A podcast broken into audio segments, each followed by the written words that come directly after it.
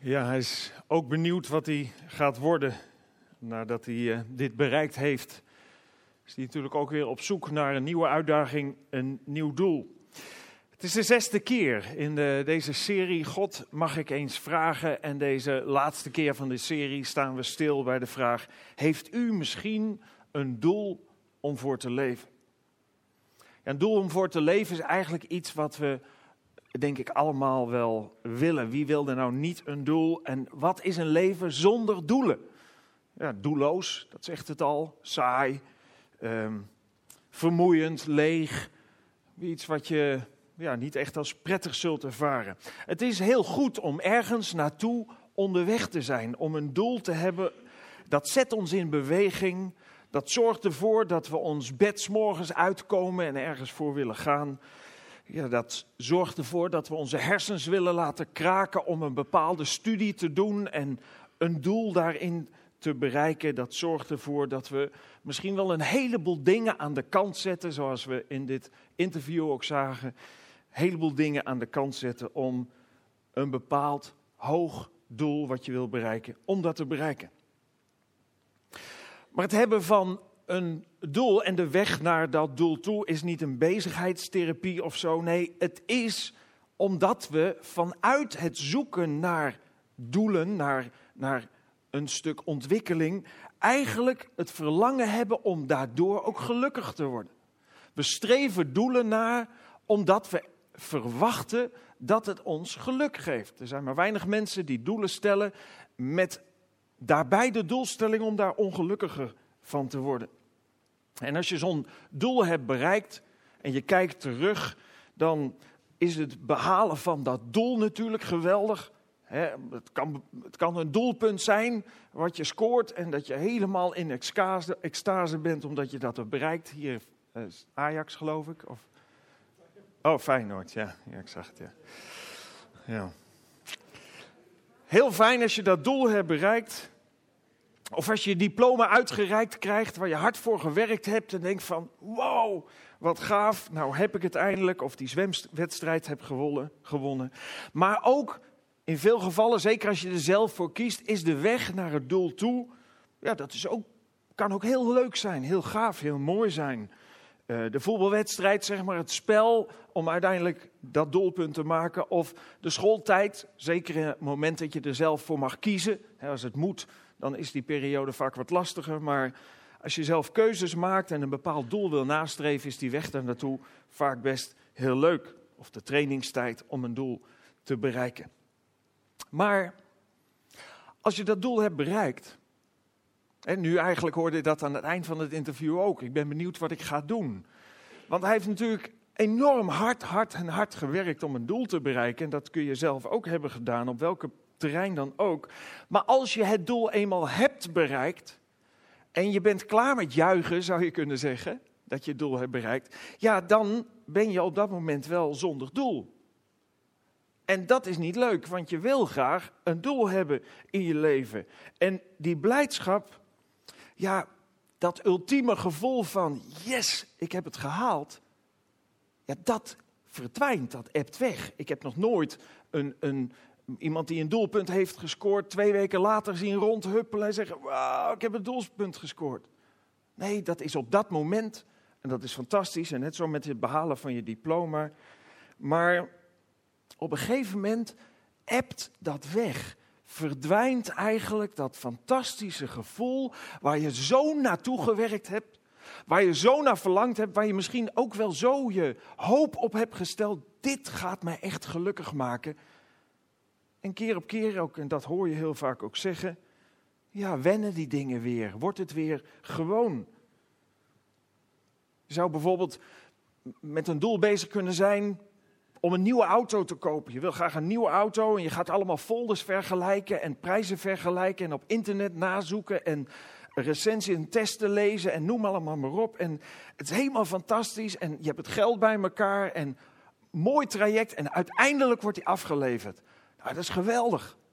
Dan heb je je doel bereikt en, en dan, ja, dan is het nog heerlijk om erin te rijden. En die nieuwe lucht als je erin komt, die, lucht van de nieuwe auto.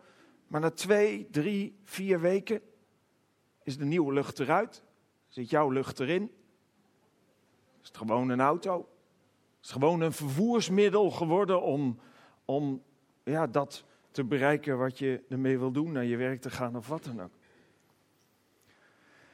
Dus het ervaren van geluk bij het bereiken van een doel is iets wat tijdelijk is, soms zelfs zeer tijdelijk is, wat een korte houdbaarheid heeft. En dan, ja, dan moet je ja, weer opnieuw beginnen misschien zelfs.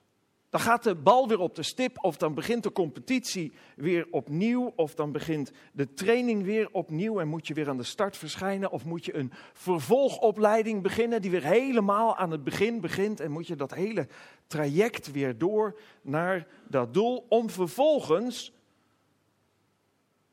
opnieuw te ervaren dat, heb je dat doel bereikt, heb je wel wat bereikt, dat is ook prima en mooi, maar Vaak hebben we veel grotere voorstellingen van wanneer we dat punt bereiken dan wat uiteindelijk overblijft na een periode die volgt.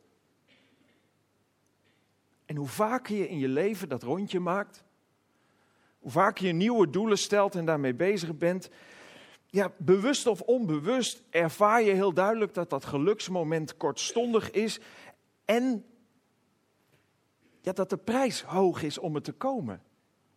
En ja, dat kan wel leiden tot ja, dat je denkt van, zal ik nog opnieuw, zal ik nog opnieuw een doel of een hoger doel nastreven? Het verlangen naar geluk, het verlangen naar dat geluksmoment van die overwinning, dat blijft wel. Maar de prijs lijkt wel, is zo hoog of wordt steeds hoger.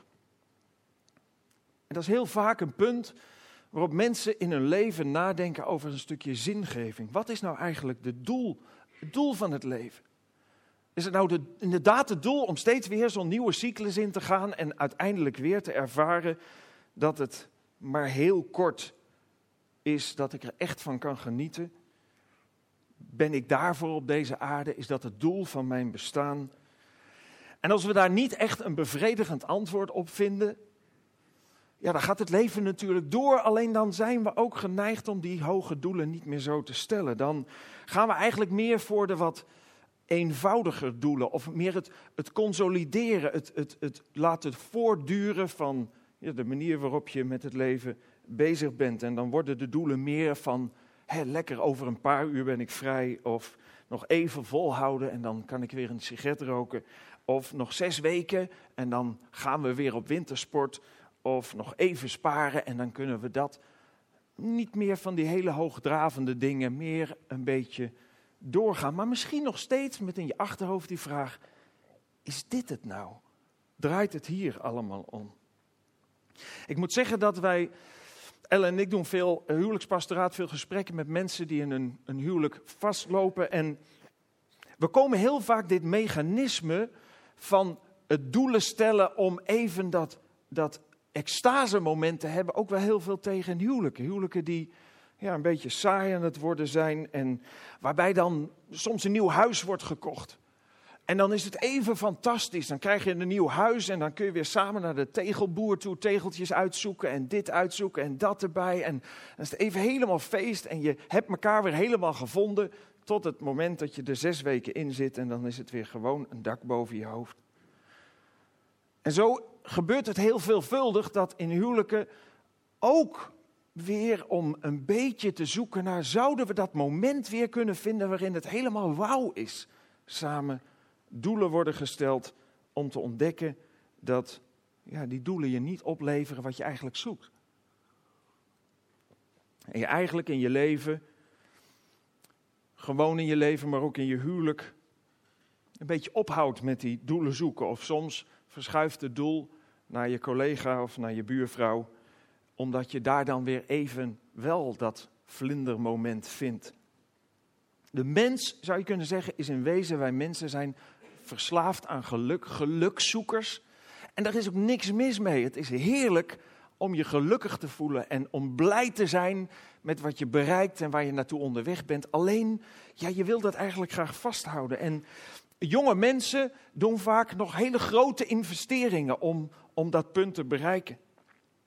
Mensen die wat ouder worden, die die cyclus al een heel aantal keren hebben gedaan, die zijn daar wat minder nadrukkelijk mee bezig, leggen zich wat meer neer bij die kleinere doelen, zoals ik al zei. Doen nog wel mee aan de postcode loterij, omdat dat dan misschien een makkelijke manier is om echt gelukkig te worden. Wat dan ook weer blijkt heel erg tegen te vallen. En oudere mensen die, ja, die stellen misschien veel minder nog doelen. Een doel om ergens naartoe onderweg te zijn of willen worden steeds afhankelijker van doelen van een ander. En ja, als je dat rondje zo je leven inzit en doorgaat, dan kun je je voorstellen, misschien heb je dat zelf ook wel eens, dat je denkt van, wat is nu het doel? Waarom ben ik hier eigenlijk? Is dit het echt allemaal, dit rondje, om even weer zo'n geluksmoment te ervaren? Ik las een verhaal van een koning die leefde 920 jaar voor Christus, regeerde 40 jaar lang over Israël. En die schreef een boek en dat boek begint met deze tekst. De schrijver van dit boek wordt prediker genoemd. Hij is koning in Jeruzalem en zoon van David. En die zoon van David, die heette Salomo. Koning Salomo. En koning Salomo, die uh, schreef een gedeelte waarvan je kunt zeggen, ja, wat is er met die man aan de hand? Hij zegt, naar mijn mening is niets waardevol, alles is vruchteloos. Want wat bereikt een mens met al zijn harde werken hier op aarde? Generaties gaan, generaties komen, maar dat maakt allemaal geen verschil. De zon komt op en gaat weer onder. Alles is onuitsprekelijk vermoeiend. Hoeveel wij ook zien, het is nooit genoeg. Hoeveel we ook horen, tevreden zijn we nooit. Als deze man in deze tijd had geleefd, dan hadden we gezegd: joh, deze man is echt toe aan het bijstellen van zijn medicatie. Die moet wat meer antidepressiva, hij zakt een beetje onderuit. En we kijken of we een beetje bodem kunnen geven. Laat die eens van 20 naar 40 milligram gaan. Maar het was niet maar zo dat hij dit schreef. Het was niet omdat hij in een, in een dip zat in zijn leven. Nee, het was ontstaan vanuit een stuk gedegen onderzoek. Je zou kunnen zeggen bijna een, een wetenschappelijk onderzoek naar ja, waar gaat het leven nou eigenlijk over? En wat kan me in het leven echt het geluk geven waar ik zo naar op zoek ben? En hij had aardig wat middelen ter beschikking om dat ook uit te proberen te onderzoeken. En hij schreef daar een heel gedeelte over. En daar lezen we, ik zei tegen mezelf, vooruit, schep vreugde in het leven en vermaak je zo goed mogelijk. Dat ging hij doen. Maar ik merkte dat ook dat niets te betekenen had. Want het is dwaas om de hele tijd te lachen. Plezier maken heeft immers geen enkel nut. Daarom besloot ik, na lang nadenken, voldoening te zoeken in het drinken van veel wijn. Ondertussen bleef ik in mijn doel zoeken het zoeken naar wijsheid scherp voor ogen houden. Ik weet niet hoe je dat combineert met het drinken van veel wijn, maar hij kon dat. Ik probeerde het met de dwaasheid. Ik probeerde het met die dwaasheid om er zo achter te komen wat voor de meeste mensen het enige geluk in hun leven betekent. Daarna tracht ik bevrediging te vinden in het uitvoeren van grootse dingen. Zoals het bouwen van huizen en aanleggen van wijngaarden, tuinen, parken en boomgaarden voor mezelf. En de waterreservoirs die nodig waren om alle aangeplante gewassen van water te voorzien. Daarna kocht ik slaven en slavinnen en andere slaven werden in mijn huishouding geboren. Ik fokte grote kuddes vee, meer dan een koning voor mij ooit had bezeten. Ik verzamelde zilver en goud door belasting te heffen van vele koningen en gebieden. Ik liet zangers en zangeressen optreden en genoot van alles wat mooi en goed was.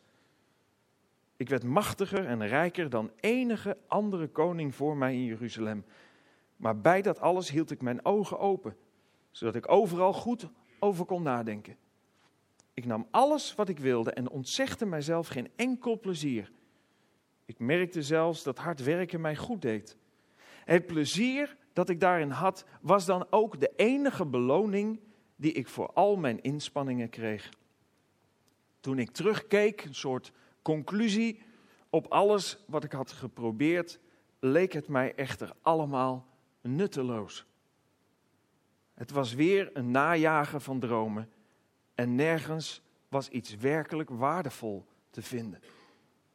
Een beetje een triest verhaal eigenlijk, als je dat zo leest. Als iemand daar zo mee bezig is geweest en eigenlijk heeft hij een heleboel dingen gedaan die wij nog wel zouden willen doen, opnieuw in de hoop om daar misschien wel het ultieme geluk te vinden of echt gelukkig van te worden.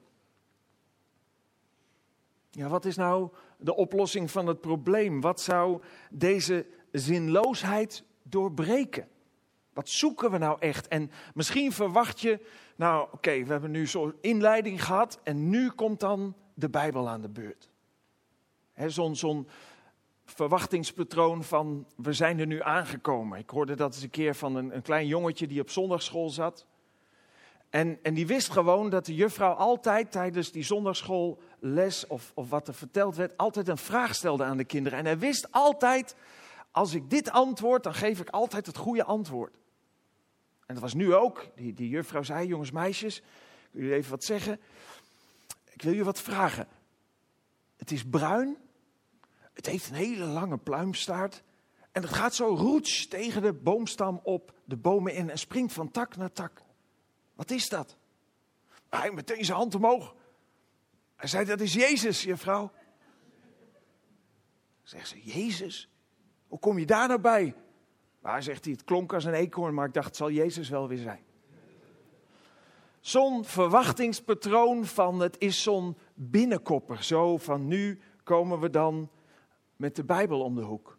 En in wezen komen we daar straks ook. Alleen als je nu kijkt naar die conclusie van prediken, als je nu kijkt naar al dat onderzoek wat hij heeft gedaan, dan maakt hij wel steeds die momenten mee waarop hij zijn doel bereikt, waarop hij geniet van het moment dat hij het doel bereikt heeft. Maar hij ziet de nutteloosheid ervan in. Waarom? Omdat na al die inspanningen het geluk wat eruit overblijft zo gering is. En waar we eigenlijk naar verlangen, is iets wat ik uh, zaterdag toen ik naar de stad reed op de radio hoorde, wat prachtig bezongen wordt door Marco Borsato. Dat is wat we eigenlijk zouden willen. Laten we er even naar luisteren.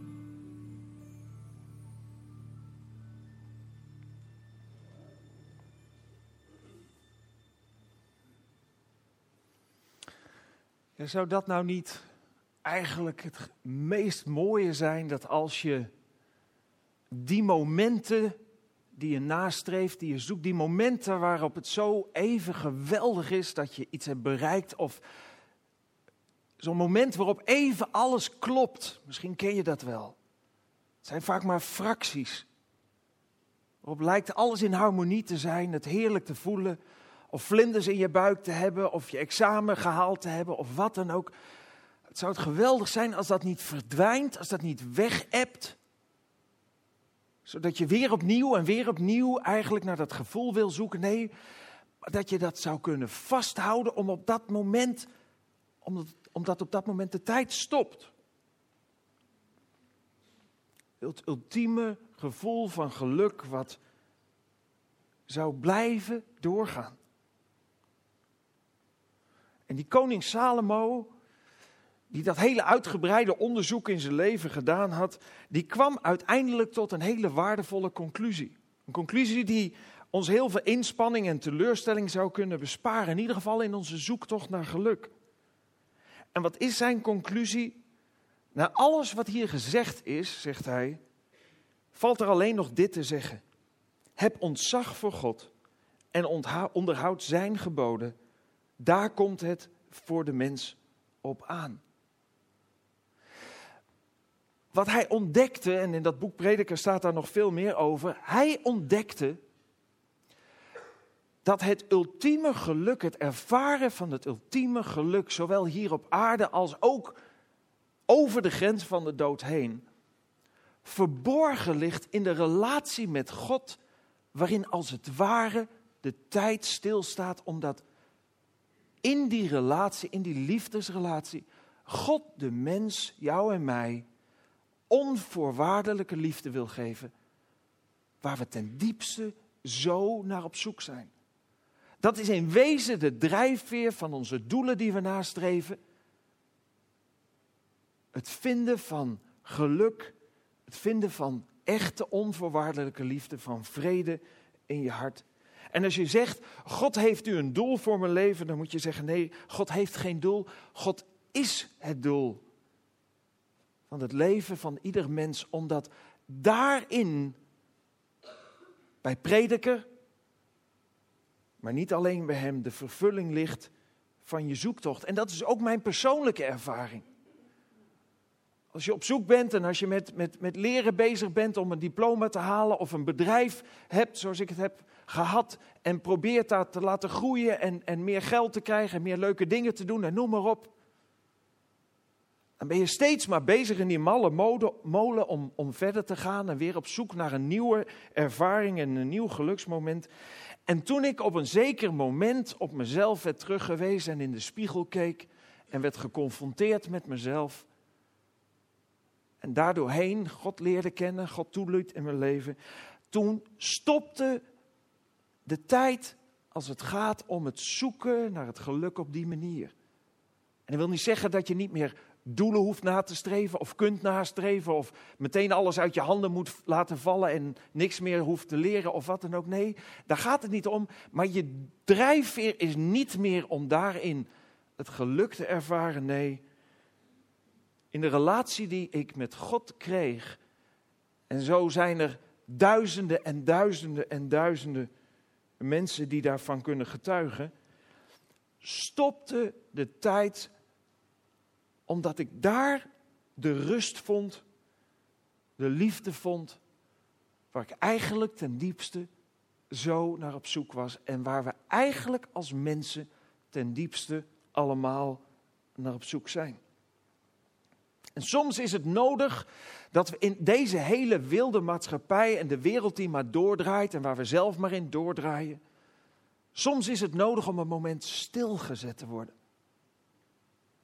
Dat is ook de reden dat, dat prediker een gedeelte schrijft wat, wat, wat soms best lastig te begrijpen is. Hij zegt, het is beter uw tijd te besteden aan begrafenissen dan aan feesten. Want ook u zult eens sterven en het is goed daaraan te denken nu u er nog de tijd voor hebt. Verdriet is beter dan blijdschap, want het verdriet heeft een zuiverende werking op ons. Ja, een wijs mens denkt vaak aan de dood, terwijl een dwaas zich alleen maar zorgen maakt over de vraag hoe hij dit moment het prettigste kan doorbrengen. Het is niet zo dat prediker zegt, liepen we maar altijd huilend rond of hadden we maar altijd begrafenissen. Nee, hij probeert te zeggen dat het belangrijk is om momenten te hebben in je leven waar je daadwerkelijk wil nadenken over de zin van het leven. Voordat het te laat is. Want ieder mens is in deze wereld gekomen zonder keuze. Niemand heeft ervoor gekozen om hier geboren te worden. Je wordt hier geboren. En in dit leven heb je een vrije keuze om te bepalen waarin je in de eeuwigheid zult zijn. En we hebben die momenten nodig om stil te staan en na te denken over hoe relatief eigenlijk de wereld is. Hoe relatief soms de doelen zijn en hoe hoog de verwachtingen soms zijn die we daarbij koesteren. En hoe dat iedere keer weer tegenvalt. Ik las een uitspraak, stond geen naam bij, die zei: Moe van de tijdelijke vreugde en vrede die de wereld hem biedt, zal de mens tenslotte proberen het geheim te vinden van blijvende vreugde en blijvende vrede. En zo zal hij dan op zoek gaan naar het werkelijke doel van het leven. Dat kan, daar is dan wel voor nodig. Dat we dat moment nemen, dat je daarover na wil denken en zegt, waar ben ik eigenlijk mee bezig? En in die relatie die God zo graag wil hebben, in die omgang die God zo graag met ons wil hebben, Daarin ligt besloten die liefde, die onvoorwaardelijke liefde van Hem voor ons. Daar ligt in besloten die rust, zodat we inderdaad een einde krijgen aan die zoektocht. En daar ligt ook een perspectief dat gaat over de grenzen van de dood heen. En het effect wat het hier en nu heeft, is groot. Maar het effect wat het zal hebben over de grens van de dood heen is veel groter. Want dat is het moment waarop God zegt: stop de tijd. Daarvan zegt de Bijbel dat we overgaan van tijd naar eeuwigheid. Daar kunnen we ons niets bij voorstellen. Maar eigenlijk betekent het dat God zegt: er komt een periode waarin je eigenlijk blijft stilstaan in dat moment waarin je eigenlijk ook zo graag wilt stilstaan. Dat moment waarin je ervaart dat alles klopt. En die belofte staat ook in de Bijbel tot slot. Er staat, ik zag een nieuwe hemel en een nieuwe aarde, een gezicht wat, wat iemand kreeg over de toekomst. De tegenwoordige hemel en de tegenwoordige aarde waren er niet meer. En ook de zee was verdwenen. Ik zag de heilige stad, een nieuw Jeruzalem, van God uit de hemel naar beneden komen. Zij zag er feestelijk uit, als een bruid die op haar bruidegom wacht. Ik hoorde een luide stem uit de troon zeggen: Gods huis staat nu bij de mensen. Hij zal bij hen wonen. Zij zullen zijn volk zijn en hij zal zelf bij hen zijn. Hij zal alle tranen van hun ogen afwissen. En er zal geen dood meer zijn. Van verdriet, rouw en pijn zal geen sprake meer zijn. Dat hoorde allemaal bij de oude wereld en die is voor goed voorbij. Hij die op de troon zat, zei: Ik maak alle dingen nieuw. En hij zei tegen mij: Schrijf het allemaal op, want wat ik zeg is waar en betrouwbaar. Eigenlijk is dat het, het verlangen wat je door de hele Bijbel heen ziet: dat God ons mensen de hand reikt, mensen die we, zoals we zijn, allemaal God de rug toe hebben gekeerd op zeker moment voor langere of kortere perioden. Zijn gegaan vanuit onze eigen wijsheid en we maken het zelf wel klaar op zoek naar doelen om gelukkig te worden, terwijl God eigenlijk met uitgestrekte handen naar je staat en zegt, waar je eigenlijk naar op zoek bent, dat ben ik. Ik kan je die liefde en dat geluk geven waar je zo naar zoekt. Ik kan je brengen vanuit deze wereld in een nieuwe wereld, waarin geen pijn en verdriet meer zal zijn, maar waarin de tijd stopt. En dat is niet iets wat saai wordt. Dat is Een onvoorstelbaar moment, periode, waarin alles klopt. En Jezus Christus kwam naar deze aarde, omdat wij mensen eigenlijk het hadden verbruikt, zou je kunnen zeggen. We hadden eigenlijk gekozen voor, niet voor God, maar, maar voor de andere kant, voor zijn tegenpartij. En Jezus Christus kwam naar deze aarde om de prijs te betalen om jou en mij los te kopen uit de handen van het kwaad. En om jou en mij terug te brengen in een relatie met God de Vader. En die uitnodiging staat nog steeds. En als je wil, dan zou je daar je doel kunnen stellen. Naar die zoektocht, naar die relatie van God. En God zegt, wie mij zoekt, die zal mij vinden. Dus het is een, het is een doel waarin je vindt waar je ten diepste naar verlangt. En waarin je eigenlijk op voorhand al de zekerheid hebt dat je dat doel ook zult behalen. We gaan een lied zingen. Het eerste gedeelte van het lied zegt: U heeft mij voor uzelf gemaakt. En daar bedoelt de liedschrijver mee te zeggen: God heeft ons gemaakt om die relatie van liefde met ons te hebben. En mijn hart is onrustig, staat er dan, tot het rust vindt bij u.